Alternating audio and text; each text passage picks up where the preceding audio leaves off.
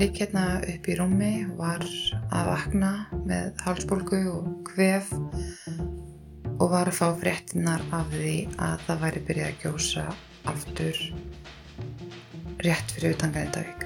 Þú getur skilgreint þig sem tómatastelpu sem klæði sig í Coastal Grandma estetík, fílað barbíkór og átt möndlumömmu. Kærastu þinn er svo indi slístýpan en það meikar sens fyrir sambandið ykkar en það er hann vók og þú stingit. Markmið er bara að það sé til staður fyrir þá sem að vilja grúska, sem að vilja ekki láta segja sér hvað að hlusta á. Eldgósadagbækur, grindvikinga, tómatastelpur og möndlumömmur og nýleg íslensk tónlist. Ég heiti Bjarni Daniel. Og ég heiti Lóa Björk Björnstóttir og þetta er lastinn mánudaginn 15. januar.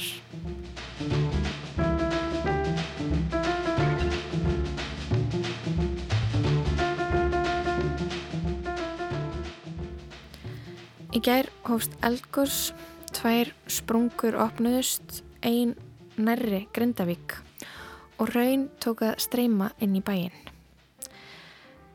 Við höfum frá rýmingu bæjarins flutt hljóðdagbækur nokkura íbúa Grindavíkur.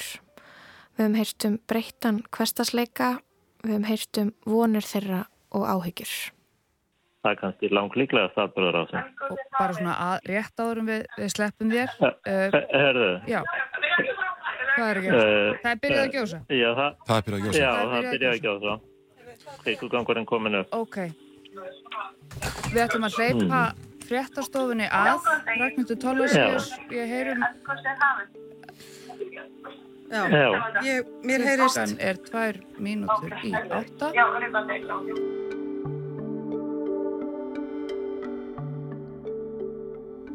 Kæru landsmenn Nú hefur það gerst sem við vonuðum öll að ekki myndi gerast Það er svartur dagur í dag fyrir Grindavík og það er svartur í dag, dagur í dag fyrir Ísland en sólinn mun koma upp aftur. Fólk er farið óskæðis að þetta færi bara onni í eina stóra hólu úr því að það sé bara ekki hægt að búa þarna. Það er náttúrulega rosalegt, en kannski er það bara langt best, veit ekki. Það er náttúrulega óttast framtíðina, þetta er aðlegan manns, hún er þarna, starfið og ég er nú orðin rúmlega 70 og það, það er ekki mikil eftirspurn. Nú hefur það gerst að hraun rennur inn í Grindavíkur bæ. Þessa blómlegu byggð, þar sem fólk hlúði að sínu, stundaði sjósókn og aðra atvinnu, ræktaði sitt samfélag í góðri sátt við Guð og menn. Ég finnst það bara allt og mikið kærilegs í skaparanum að hafa þessi svona við okkur.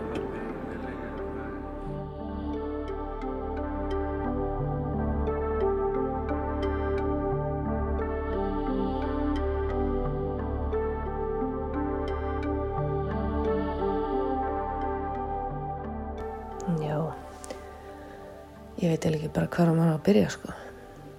En við vorum ekki farin að sofa í gær þegar tilkynningin um rýmingu kom Þetta er Teresa Byrna Björstóttir Teresa Bangsa. Hún hefur búið í þingkoltunum í Reykjavík heimi á Frankusinni á samt börnum og kærustu frá því að Grindavík var rýmt. Svo við sátum hérna til klukkan sjö um morgunin að skróla Ég vaknaði svo klann 11 og, og þá sá ég að inboxið mitt var fullt á messenger á hjörtum og kveðjum og ég bara, ég lá bara frosinn í svona hálftíma á þess að opna nýtt. Ég bara vissi ekki hverju ég átti að vona á. Klukkan er 11. sunnudaginn 14. janúar 2024.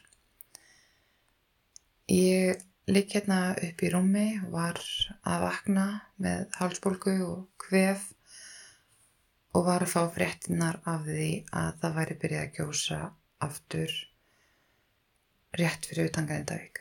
Þetta er Andrea Ævarstóttir, hún á tvo stráka og hún hefur búið í Savamýrinni undarvarnar vekur. Hún var fórstuðu kona bókasapsins í Grindavík en sagði á förstu dag starfi sínu þar lausu. Tilfinningarnar eru náttúrulega eins og vennilega mjög blendnar yfir þessu ástandi. af því að mér þykir rosalega vænt um Grindavík og ég var búin að búa þar í nýju ár en ég get ekki hugsað mér sérstaklega í ljósi þessa nýjustu atbyrða að snúa nokkuð tíman tilbaka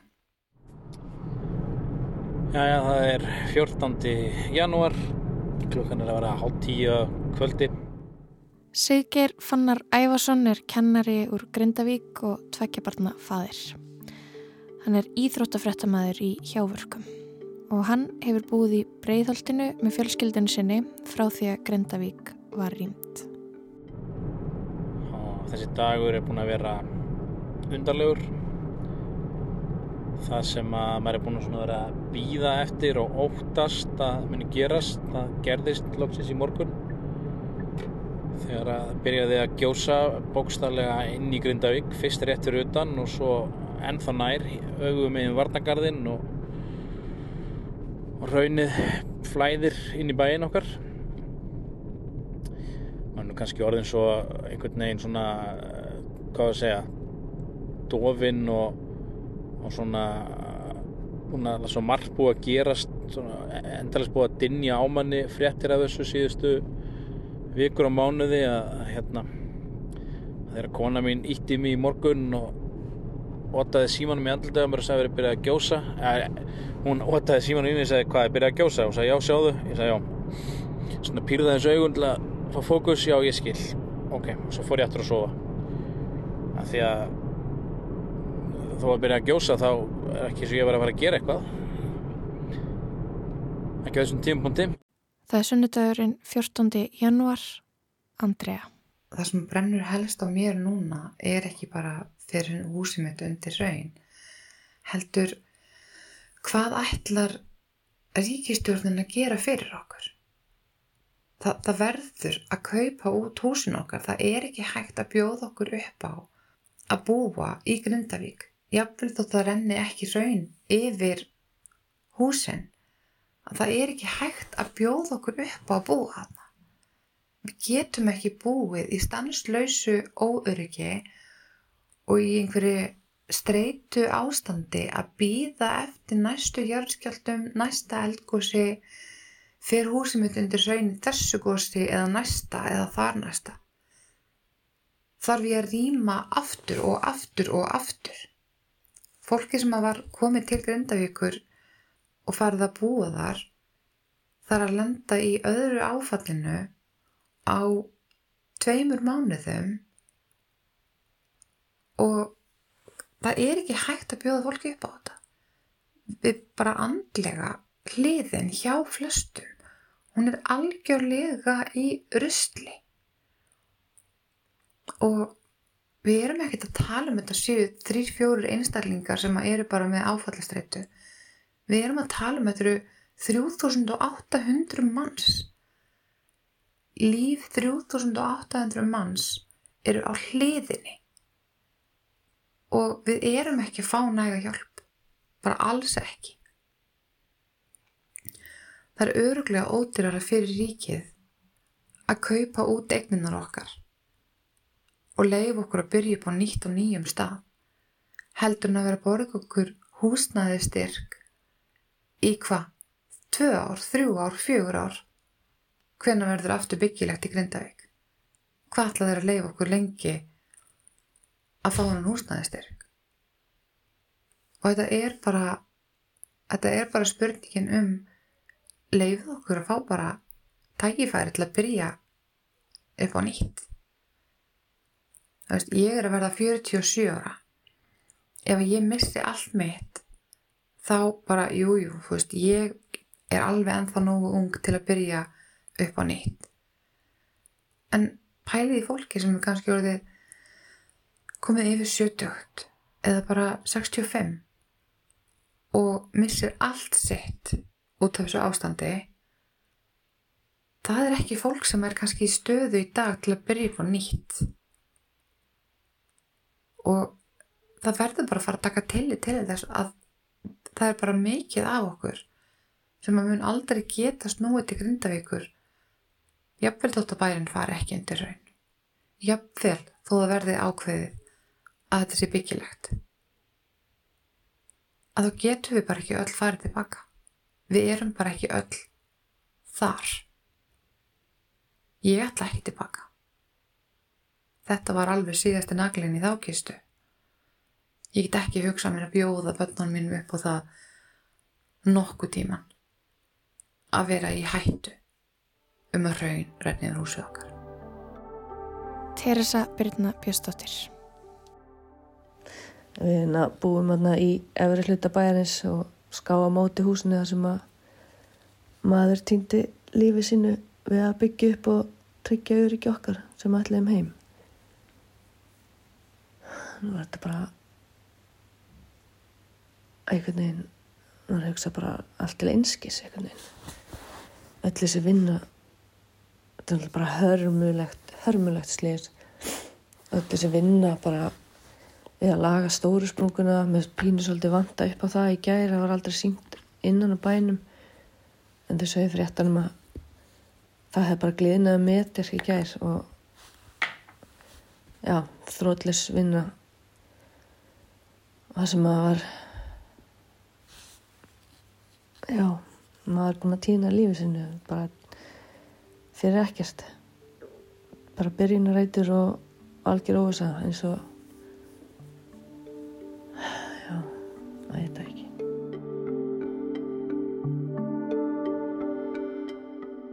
Þannig að ég svaf aðeins lengur og svo vaknaði maður og, og eitti deginum í það að horfa á vefmyndavélar og fréttatíma og uppfæra hérna, fréttasíður og ringja eh, hérna, fá símtöl og SMS og skilabóða messenger. Það er hérna, hugur allra er hjá manni eins og svo ofta áður en það er góðra gælda verðt og auðvitað gott að vita til þess að, hérna, að fólk sé að hugsa til manns en, en nú erum við bara komin í þá stöðu að við þurfum meirinn góðar hugsanir, við þurfum aðgerir það er orðið ljóst að, hérna, að við munum ekki búið í Grindavík neitt á næstunni þó að við persónulega okkar mín fjölskylda sé ágættis málum þá veit ég að það er fullt af fólki sem er ekkert í góðum málum. Og það er náttúrulega fullt af fyrirtækjum sem eru bara í mjög vondum málum og ef að, ef að þau leggja upp laupana eða þurfa að færa sína starf sem eitthvað annað þá er svona lífi í bænum nokkur með einn sjálfhætt. Þannig að það er svona það sem manni kannski er efst í huga akkurat núna að ríkið hægt að tala um að það er alltaf að retta gröndvikingum og, og, og fari að bjarga gröndvikingum en það er erfitt svona að reyna að setja eitthvað tilfinningar í orð sko, maður er, maður er uh, þetta er yfirþyrmandi og þetta er samt líka eh, eitthvað sem maður ræður ekki við.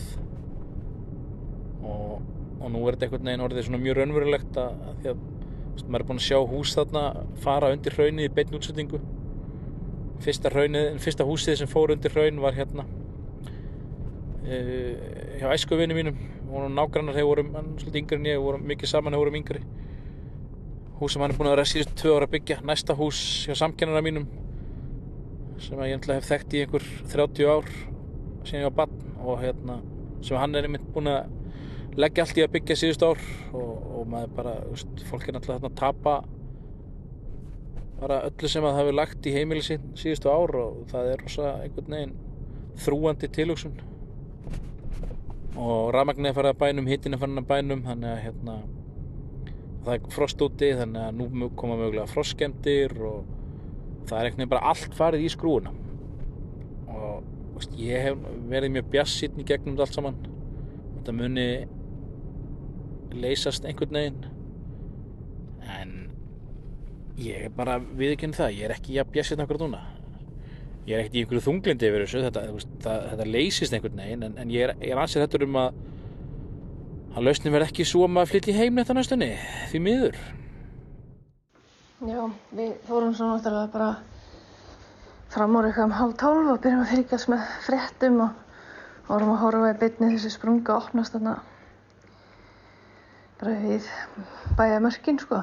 Og við sátum bara hérna þrjár saman og krakkarnir eitthvað neina svona í kring bara maður bara stjárfur fyrir framann sjóarpið allan daginn hlusta á eitthvað þú veist rosa margir einhvern veginn að pæli í hvaða tónlist hafi verið spiluð undir þegar maður var að horfa á húsin brenna en þú veist sé eðlilega eðlilegt alltaf þegar maður verður fyrir áfalli að þá heyri maður alla texta svo vel og mann finnst allt annarkvæmstur að tala til sín eða þá bara eitthvað hríkulega óviðandi lög.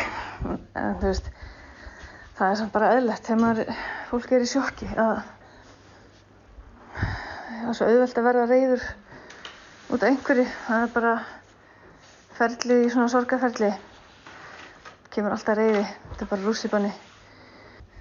Svo fannst okkur einhvern veginn ekki vera nógu mikið í fréttanum maður vildi sjá meiri myndir og vina fólk mitt uh, lendir í þessu að það er svo þriðja húsi sem brennir og ég sendi vinið mínum bara að ég get ekki sett mig í þín spór, þú veist, hjarta. Og hann sagði að ég allavega núna er maður ekki lengur að býða eftir einhverju. Býða eftir eitthvað að gerist Sunnudagur 14. januar klukkan er kortir í eitt. Andrea Ég sitt hérna og er að horfa á raun renna yfir Grindavíkuvegin sunnan við Þorbjörn og í áttina að efstu húsunum í Grindavík eftir að nýja sprungan opnaðist Bæði er þetta ótrúlega, pff, hvað ég að segja, hvernig ég orða þetta. Þetta er, þetta er ótrúlega sorglegt.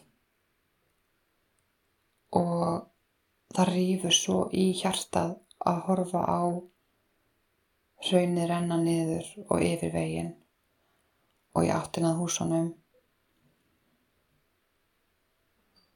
En að samaskapi að það er pínu léttir að því að stjórnvöld hljóta að sjá það núna að það er ekki hægt að búa það það er ekki hægt að bjóða okkur upp á þetta. Við getum ekki haft heilt bæjarfélag í þeirri aðstöðu að það gæti bara raun runnið yfir húsin okkar hvernig sem er. Og bara stjórnvöld hljóta að sjá það. Að þó að húsu okkar fargjöndursauðin það er ennþá alveg 800 til 1000 metra til dæmis í húsi mitt frá þessari sprungu að það er bara gett að bjóða okkur upp á þetta og það einu sem ég get hugsað þegar ég horfi á þetta það er bara þau, þau hljóta að sjá það. Ríkistjórnum hlítur núna að gera eitthvað fyrir okkur. Að hjálpa okkur.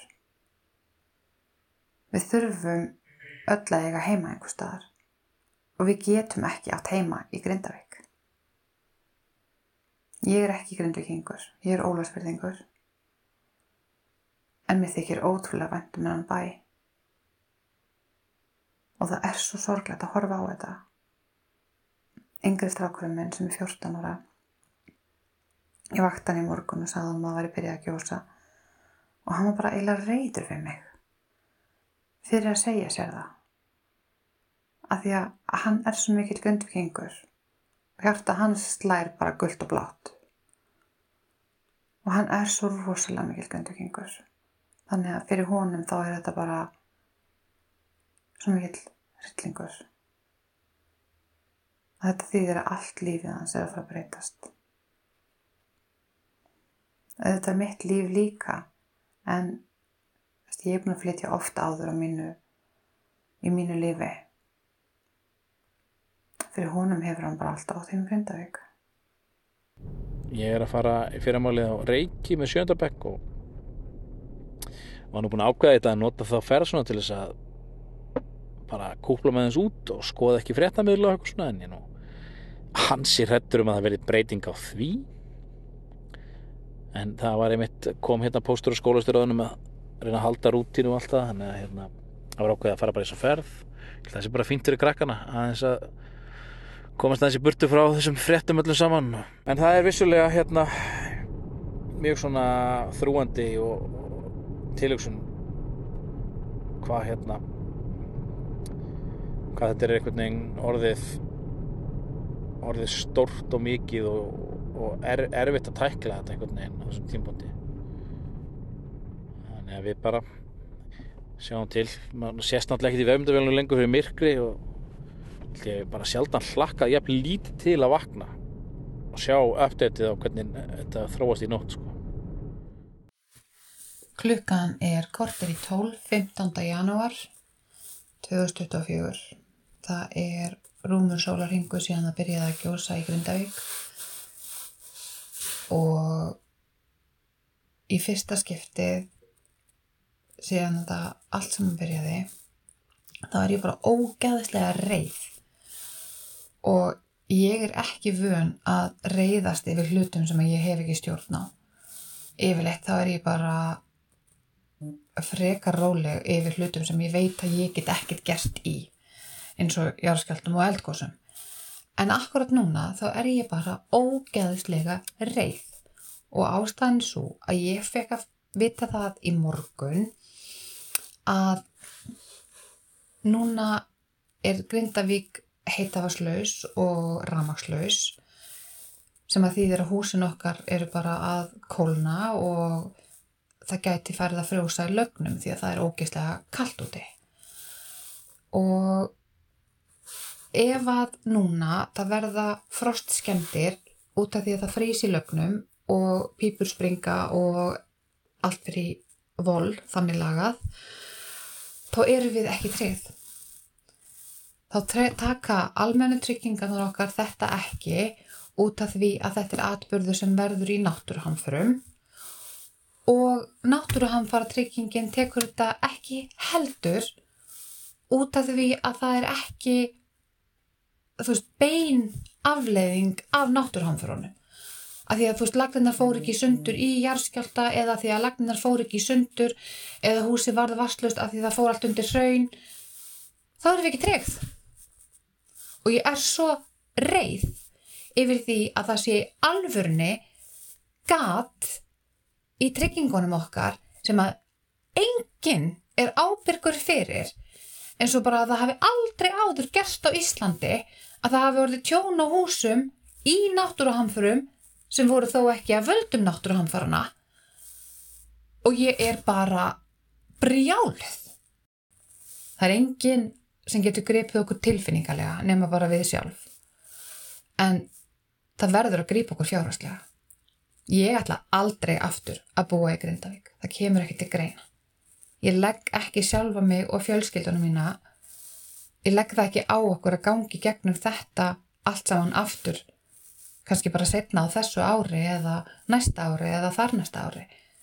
Í mínum huga er Grindavík orðið óbyggilegt svæði. Það er bara svo leiðis og það er ógeðslega erfitt að segja þetta og ógeðslega erfitt að heyra þetta. En Grindavík er ekki örgur stað til að vera. Svo sannarlega ekki. Og nú vil ég bara fá innbúðum mitt borgað af því að ekki er ég að fara að ná í það og ég vil bara fá húsum mitt greitt út þannig ég geti komið undir með fótónum á nýjum stað.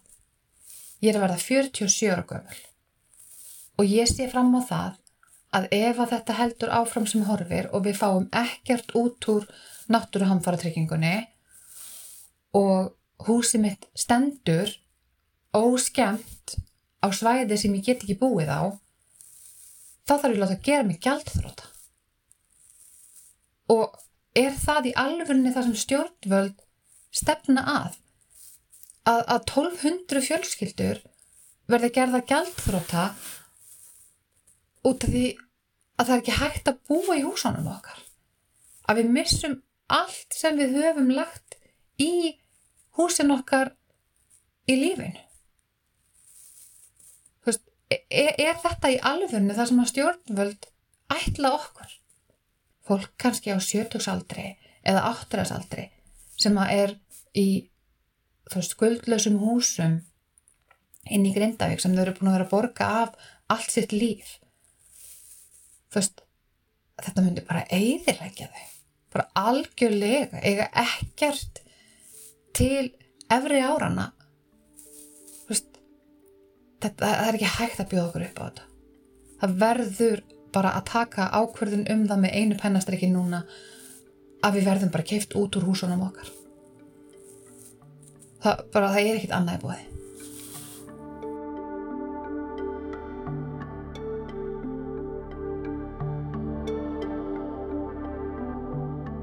Mánudagurinn 15. janúar, klukkan er rúmlega 2. Siggeir er stattur á reykjum í rútaferði.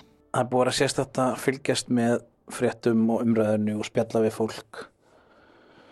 Eftir að raunnið fór yfir bæin okkar og þó það séu að gæslappa bara þrjú hús farin þá einhvern veginn þá er svona það versta sem gæt gerst náttúrulega bara búið að raungerast og og það er komið einhvern veginn allt annar hljóð í fólk það er svona vonleysi og uppgjöf og fólk vil bara, nú vil fólk bara fá laust sinna mála mikil hitti í fólki og fólk er bara ósátt við hvað allt hefur ekki langan tíma. Ríki kemur saman eftir viku ríkistjórnin, alþingi ætlaði að segja alþingi kemur saman eftir viku.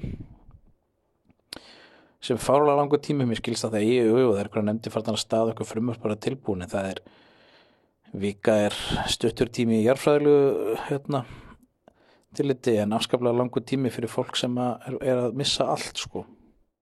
Ég er búin að reyða samtali vinni mín að því okkur langar ekkert að búið Reykjavík hvort maður er að flytja skagaströnd eða flúðir eða söðunisabæ eða hvað. En áður með að teka einhverja slíka ákvörðinu er maður alltaf að vita hvað hérna hvernig skuldbindinga maður sem Grindavík geru það er ég get náttúrulega bara left lífið svona með eiga húsi það getur fundið út úr þessu en ég myndi að helst til að fá eitthvað út úr því annað en ekki neitt. Ég myndi líka vilja að lífeyrisjóður myndi gera eitthvað fyrir mig annað en að frista lánið en það er svo önnur umræða. En að ég veit ekki, ég held að maður reynir einhvern veginn, maður mun einhvern veginn óumflýjanlega að kíkja á þessa frettir í vikunni og maður er samt komið langt frá þeim, þetta er allt voðalega skrítið. Mánudagurinn 15. januar, Teresa Bangsa. Það er svolítið hljóðið núna í fólki, bara,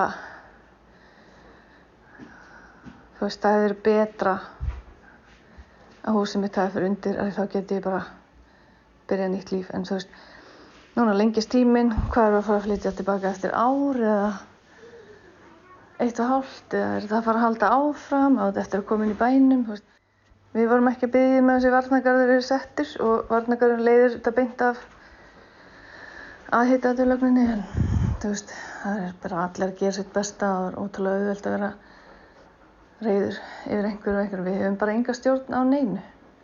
Ég er bara, já, allir mjög svektir núna eftir háttegisfréttinar. Allir mjög svektir, bara, bara tala um hvað við séum dugleg og, og hugrakk og eitthvað. En hvað ætlaði að gera? Hvað ætlaði að gera fyrir allt þetta fólk? Það er ekkert nóg að redda bara húsnæði. Þetta er svo þvílíku kostnæður sem er að fara í þetta bara á svo margan hátt einhvern veginn. Ég held að séu mjög fáir sem skilja hvað þetta er margþætt vandamál. Þetta er, já, ég veit ekki hvað er þetta að byrja sko. Dótti mín nýjara var náttúrulega hérna í kringi gæra meðan við sátum stjörf yfir þessu og hún átti mjög erfitt með að sopna, döið uppgefin en sopnaði ekki fyrir rúmlega eitt og svo var hann vöknu kl. 5 bara mamma getur ekki ákvæmst að húsið okkar sé ónýtt ég bara, það er ómikið myrkur ennþá sopnaði hann eftir um hálf sjö þannig að hún fór ekki í skólan en bara, maður svona beigð bara hérna í myrkrinu sem var alveg ótrúlega lengi til þess að sjá eitthvað. Þess bara hvernig endaði nóttinn en já, það er svo það er. Já, dótti mín sagði líka við mynda en ég var skullin í skólan hún er eitthvað svona mamma það datt maður hann ofan í sprungu. Já. Okkur talar enginn um þetta við mig? Ég bara svona oh, ég var ekki búin að segja henni þetta sko en hún er einhverjulega hýst þetta í skólanum eða eitthvað starf ég veit ekki. Og maður bara ég bara kann það ekki. Ég veit ekkert hvað ég á að segja. Ég er svona að reyna að halda þeim alltaf frá þessu sem er ekkert endilega rétt en þú veist ég er örglega ekki að gera þetta rétt en ég veit bara ekkert hvernig ég á hvernig á að vera mamma og svara þessum spurningum. Ég er bara svona,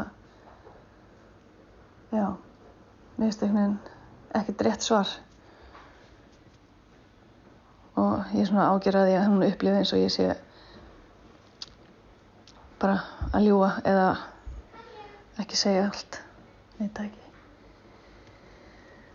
Það er ég elsku bönnin að upplifa það sem maður óttaðist mest sjálfur sem krakki sko. Bara, já ég veit ekki, ég er bara, maður er svo dofin eitthvað og yrðalaus að, já þetta er bara byðin endalösa eftir einhver sem maður veit ekki.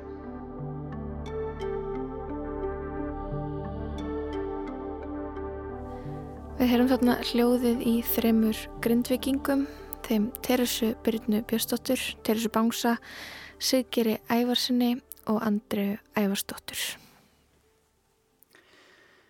Og næst snúum við okkur að einhverju allt öðru. Ditta Fleginring, grafiskur hönnur og listakona hefur verið að velta fyrir sér internetinu. Uh, Skamum fyrir áramót færðun okkur pistil um interneti sem framleggingu á heilanum en í dag er hún að veltaði fyrir sér hvernig spekla megi persónuleika okkar í algrimum samfélagsmiðla á borðið TikTok og Instagram. Áhrif samfélagsmiðla á sjálfsálit og geðheilsu er vinsælt umræðuefni en það geta flestir notendur internetsins verið sammála um að samfélagsmiðlar íti undir óraun hafa fegurðarstaðla og væntingar til lífsins. Á samfélagsmiðlum sína notendur bestu augnablík lífsins, fallegustu myndinar af sjálfum sér og öfundsverðustu upplifanirnar. Í greinum og rannsóknum um samfélagsmiðla og áhrif þeirra er oft sérstaklega talað um það að fólk beri sig saman við áhrifavalda. Áhrifavaldar eru skilgreindir sem einstaklingar sem hafa öðlast fræð í gegnum internetið og geta þannig haft áhrif á fólk, þá oftast sína eigin fylgjendur og selt þeim vörur, þjónustu eða skoðanir. En eru eitthvað takmörk fyrir því hver er áhrifavaldur og hver ekki? Nú þegar nánast allir nota samfélagsmiðla geta allir haft áhrif á alla.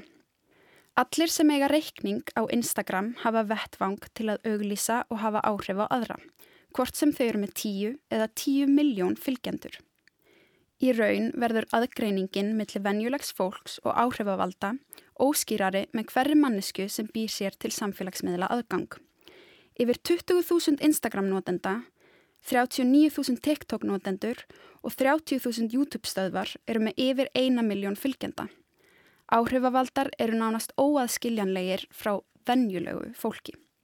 Og þótt að megin viðhorfið sé það að áhrif og fræð áhrifavalda verði til með því að þeir séu þeir sjálfur, gera þeir það fyrir framann áhorfendur, fylgjendurna, og er það því einhvers konar leiksýning eða gjörningur. Ég held að þessi lífsáttur sé að seitlast inn í líf allra, líka þeirra sem aðeins fylgjast með. Sum börn eru jafnvel farin að tala við foreldra sína eins og þau séu að kynna YouTube-myndband. Ef bækur og kvikmyndir gefa okkur þá hugmynd að líf okkar geti verið sögur eða þá leikverk sem hægt er að horfa á, segja samfélagsmiðlar okkur að líf okkar séu sögur.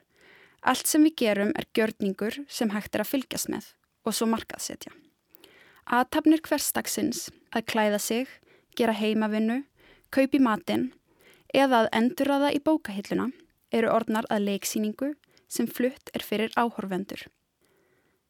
Það að breyta og þróa veruhátt sinn, til dæmis með vali á lífsinn, lífstíl, fötum, talsmáta, framkomu og áhugamálum, í vonum að geta stjórnað viðhorfi annara á sér og personleika sínum, er ekki nýr hlutur.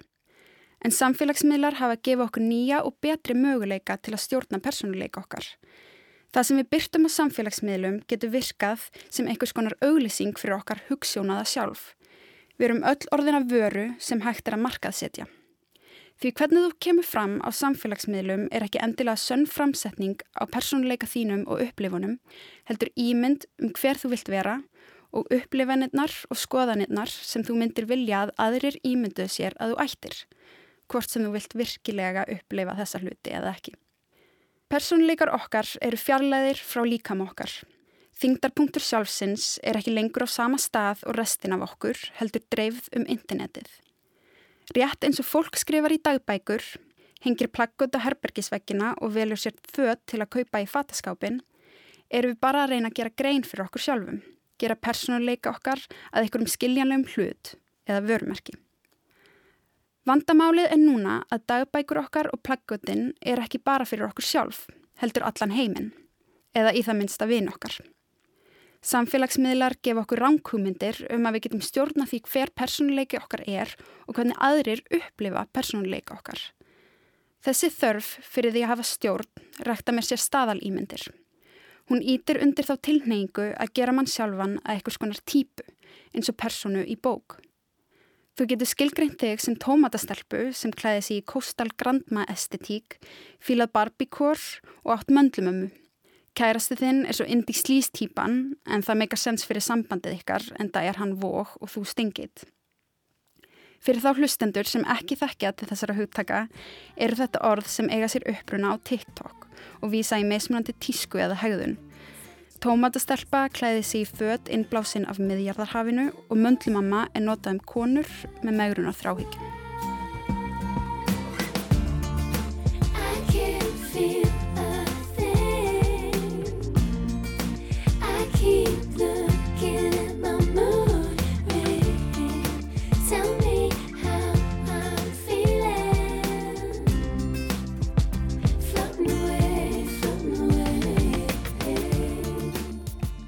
Syngur nýsjálenska popstjarnan Lord í lægi sínu Múdring. Þótt Lord segi sjálf að lægið fjallum velliðunarmenningu, það sem á ennsku kallast wellness culture, forréttindi og menningarnám, get ég ekki annað en hugsað um hversu vel þessi lína á við um samband margra við internetið og samfélagsmiðla. Það er kannski ekki svo skrítið þar sem markmið bæði velliðunarmenningar og margra samfélagsmiðla er að finna sjálfan sig og það er einmitt það sem samfélagsmiðlar gera. Eftir tilkomi algríma segjum við ekki samfélagsmiðlunum lengur hver við erum, heldur segja samfélagsmiðlarnir okkur það. Til að aðgreina eigin personuleika frá öðrum, til að verðast einstök, grefur fólk sig dýbra og dýbra í algrímið, sem greinur þau svo og flokkar. Fólk leitast eftir þessum merkimiðum sem þau geta hengt á sig til að verðast áhugaverðari, líkt á vörur í búð.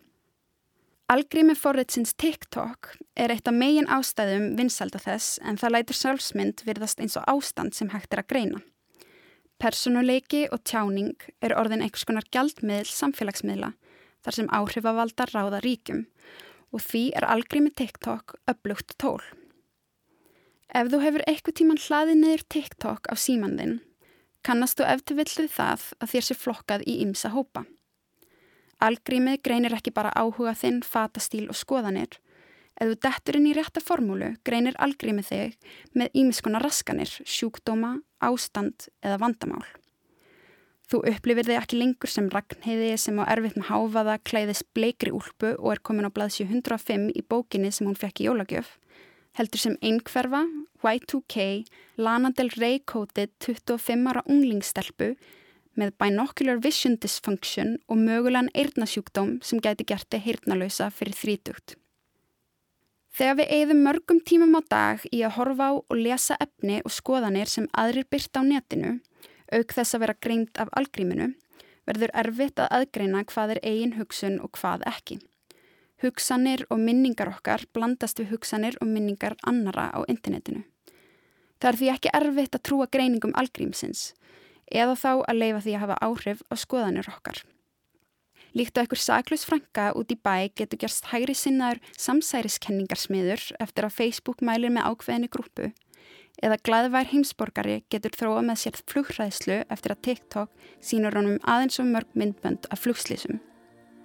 Sjálfið er eins og púsluspil sem þarf að leysa með púslbitunum sem algrímið gefur þér. Personuleiki þinn er ekki tjáning heldur aðgáta sem þú þart að afhjúpa með því að posta og horfa. Bubbles but inside Can't seem to fix my mood. Today it's as dark as my roots. If I, if I ever let them grow out Now all of my oceans have riptides can't seem to find what's wrong. The whole world is letting me down. Don't you think the early 2000s seem so far away. Hey, hey, hey, hey. Ladies, begin your sun salutations, transcendental in your meditations.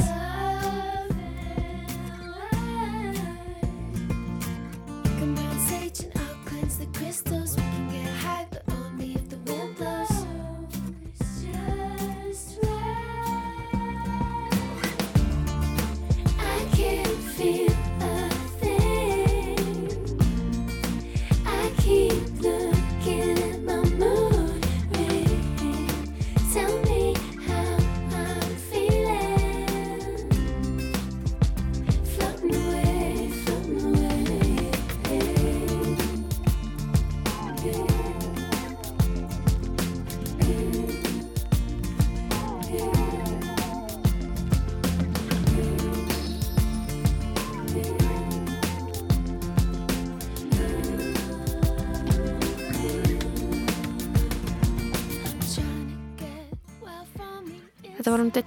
flering sem að flutti pistil um, og svo heyrðum við leið Múdring með nýsjálfensku tónlistakonni Lord.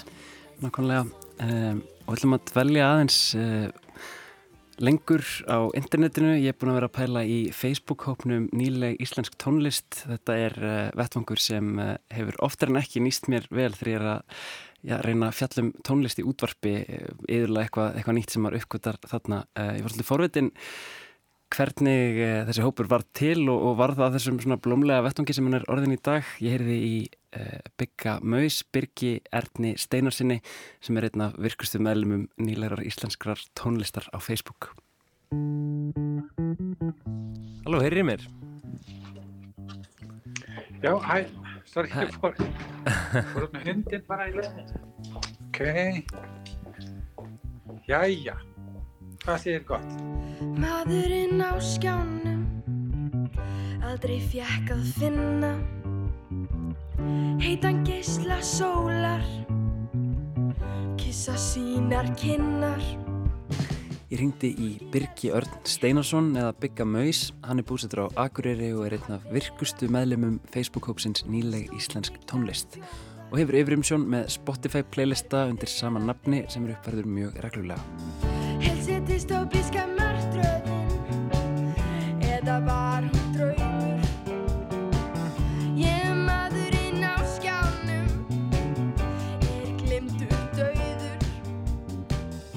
Byggi vinnur hörðum höndum að handrita skrifum í dag og þegar ég næ á hann í kringum hátegi er hann nýkomin úr göngutúr með hundin smá stund millir stríða.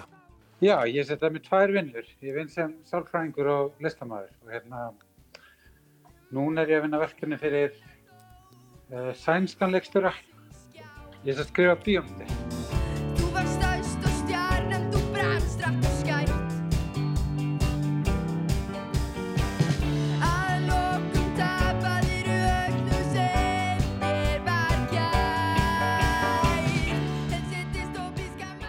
Facebook-hópurinn Nýleg Íslensk tónlist var settur á fótinn í november 2020 og það var Magnús Axelsson, stundum kallaður Maggi Strömp, sem stopnaðan. Hugmyndin af Facebook-grúpun er, er Magga.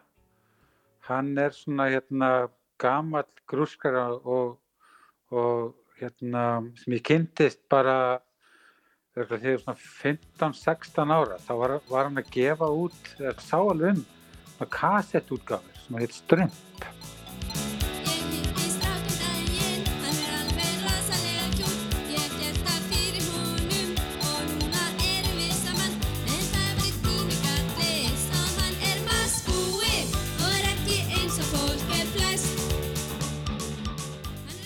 Hann sapnaði saman lögum með alls konar listamönnum sem voru í underground sinni, svipað og, og kannski á postreining gerir í dag, nema bara voru svona kassettur sko.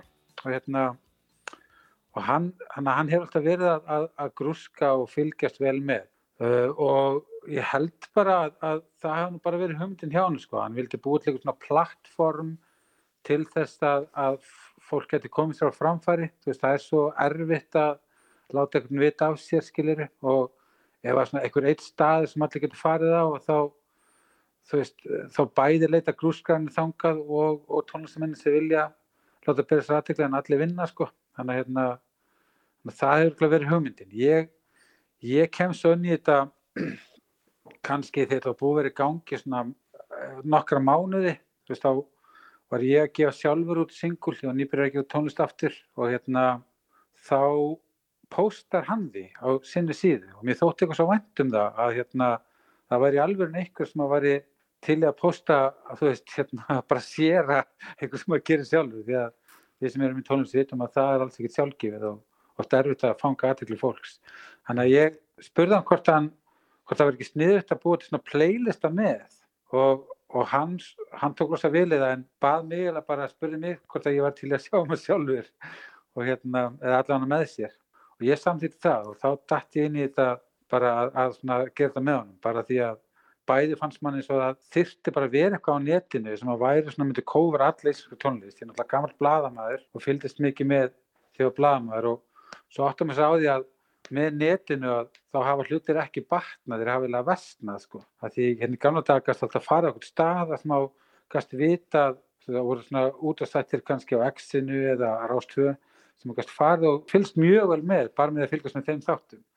En síðan þegar neti kom og allt var svona miklu auðvitað að bæða búið til tónlist og svo les að þá hafa þessu hlutir bara vestnað og hérna og fólk er, það fara allir á sömu staðin einhvern veginn en þannig að vantaði svona fannst mér stað sem að væri bara allt saman sem verið búið, að þú getur bara farið og leitað af því það, skilur Einmitt.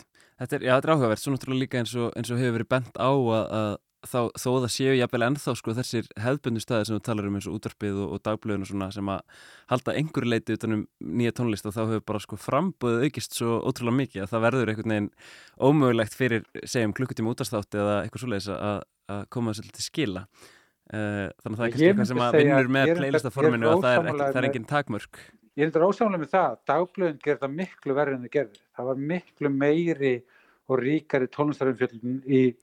á, á blöðunum sko.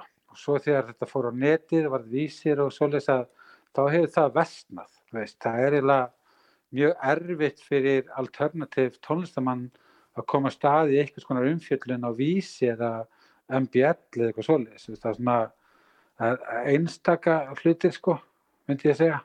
Það var miklu víðar umfjöldun í blöðun inn í gamla daga og, og blöðin einhvern veginn köstu þessar ábyrð af sér að fjalla um þessar hluti út því að nú er netið komið og allir geta að plaka sér sjálfur þar, skiljuru. Og þá bara dætt svona niður. Ég myndi að segja að, að útarpið fjalli ágætlega um þetta. Þú veist, það er svona, það er ennþá góði þættir eins og undiraldan og svona sem að gera þetta ágætlega, sko, en ég myndi svona overall finnst mér þetta að hafa vestnað. Þannig að þess vegna held ég að þessi hérna síða verði tilskiljur.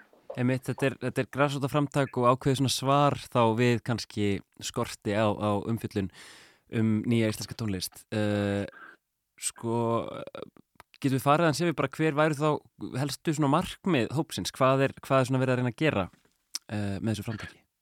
Markmið er bara að það sé til staður fyrir þá sem að vilja grúska, sem að vilja ekki láta segja sér hvað á hlusta. Vilja frekar fá bara heildar myndin á og hlustið sjálfur og velja sjálfur, skiljur við. Þannig að, að, að öll tónlist fái líka í leiðinni uh, betri leið til fólksins. Að það er erfitt að grúska, það er erfitt að finna út hvað, að, að, veist, hvað er verið það er erfitt að fylgjast með, skiljur við. Þannig að það sé pælingin bara, veist, að sé einhver staður, einhver eitt staður, þú getur farið á og tjekkað á hvað er að koma út, veist þó að sé bara svona lítið tilkynning. Það allan hefur heyrt um það eða hefur tækifæra á að tjekka því og þessum playlista við vinnum mikið í honum þannig að það er bara efni sem er fjagra mánuða gamalt. Því annars var þetta bara allt og stór listi eða svo ógeðslega mikið af hlutum sem getur út og það er alveg bara upp á dag sko. Ég fyrir reglaðan inn og strókut lög sem er orðin eldri en fjöra mánuða sko. Bara faraðan inn og sjafla, veist, þá fá líka til listamenn sem eru að inni. Ef allir myndi gera það, þá myndi hlustun og, og á öllum stækkaskilur og allir myndi fá að kynnast breyðara mingi.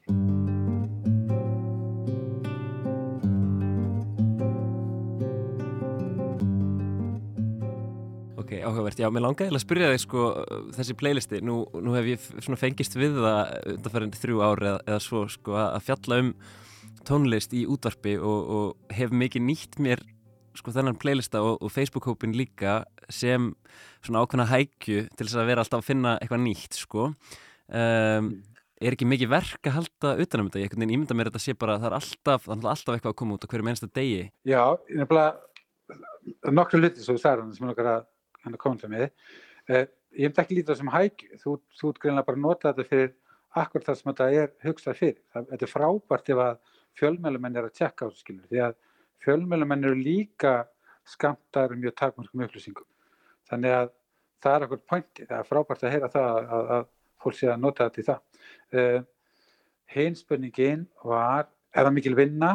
Nei, þetta er merkilega lítil vinna af því ég er sem mikil grúskaði sjálfur. Maður er alltaf að skoða þú veist, annarkot eitthvað svona uh, Facebook uh, playlista eða ég get eitt klukktímun saman á Discogs eða sker bara eitthvað skilur maður er alltaf að pæla þessu sjálfur þannig að ég veit alveg hvaða playlistar á Spotify það eru sem að eru líklega til að poppa upp eitthvað svona sem mér finnst áhugavert. Þannig ég bara merki það hjá mér og eina sem ég gerir playlistan er bara að fara yfir það vikulega og henda þið minna af þeim playlistum yfir þennan skilur með saminsagt á eitt stað. Og svo hinvinnan er bara mikið sem tónlistamenni gera sjálfur því að leiða þeir farin á síðan og posta um sína útgáfi þá fer það inn á playlistan líka skilur þannig að þetta er ekkert svo mikil vinna en samt svo þörf skilur þú veist að ef enginn gerir þetta þá, þá hérna tap allir. En ef einhvern ennir þessu þá græði allir skilur og bara kannski út af því að við erum báðir tóns og grúskar að kortið er þá höfum við bara lúms gaman að þessu. Þannig að ég horfi ekki á þetta þannig að þetta sé ykkur vinna fyrir mig. Ég bara, þetta er svona meira time þegar þessu sko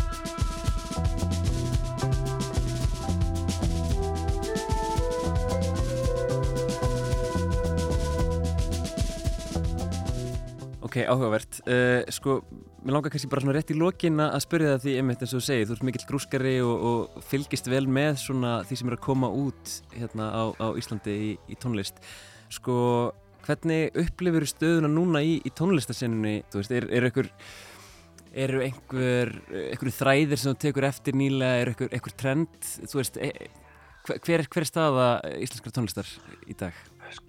Mér finnst heilt yfir litið Íslands tónlist vera ótrúlega hérna, áhugaverð þessa dagana en mér finnst svona þröngt á litið ef við sér hvað kemst upp á yfirborðið þá sem er aldrei hafa verið meira óspennandi tímabil þú veist hvað var þar íslenska poptónlist og fyrir ekki íslenska poptónlistamenn að mér finnst eiginlega ótrúlega merkilegt hvað er fáralega mikið að geggjari og stórkvöldlega tónlist sem að fara enga aðtikli sko. Maður kemst við þegar maður er að gera hennan hérna playlista. Að bæði bara kunna kannski tónlistamenn eða finnst erfitt að plugga sér sjálfur og þá er enginn að plugga þá og þá bara hrættu fólk í dag þessu og, og fjölmælinn í dag þegar ég tapar upp allt saman sem er á topp tíulistanum á FM. Þannig að það sem gerist er að það verður bara svona einsleit tónlist sem að á allan meginströmmin. Það var ekkert svona. Þetta hefur vestnað myndinirnu finnst mér sko.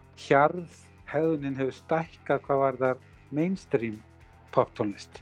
Á meðan á sama tíma þá var alltaf springa og sköpunagleiði og, og áhugaverið heitum neðanjáða sko. Það er alltaf spennandi tímar í tónlist svona, ég hugsa að það sé svona fimm ár í eitthvað svona annað risastórt aðra risastóra sprengju sko. Náttúrulega Laufey sprakk upp núna en ég er að tala um svona underground svona band sem að mun fara alla leið til úrlandi sko. Mér finnst það eitthvað neginn leggja alveg stutt í það, finnst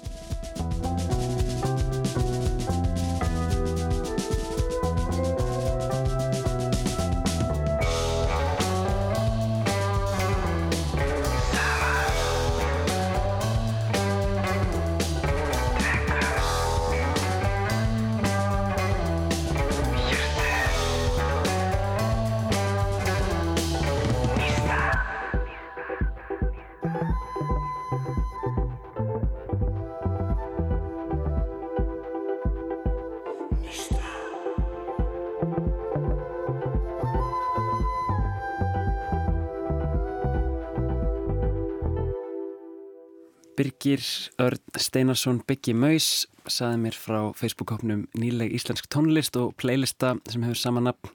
Í einslæginu heyrðu við eh, líka nokkur nýleg íslensk lög, dystopíski draumurinn eftir ókindarherta, blóma breyða eftir ástrúnu og sumar gleimist eftir Ara Árljus auk þess að það heyrist eitt, lag í eldri kantinum, lag eftir hljómsveit sem heitir Dýrðin, lagið Brott Numin. Góð Facebook-grúpa þarna á ferð. Um, Lestin verður ekki lengri í dag við Lóa og Bjarni Daniel þökkum samfélgina. Tæknum í dag var Lítiða Gretastóttir. Verið sæl.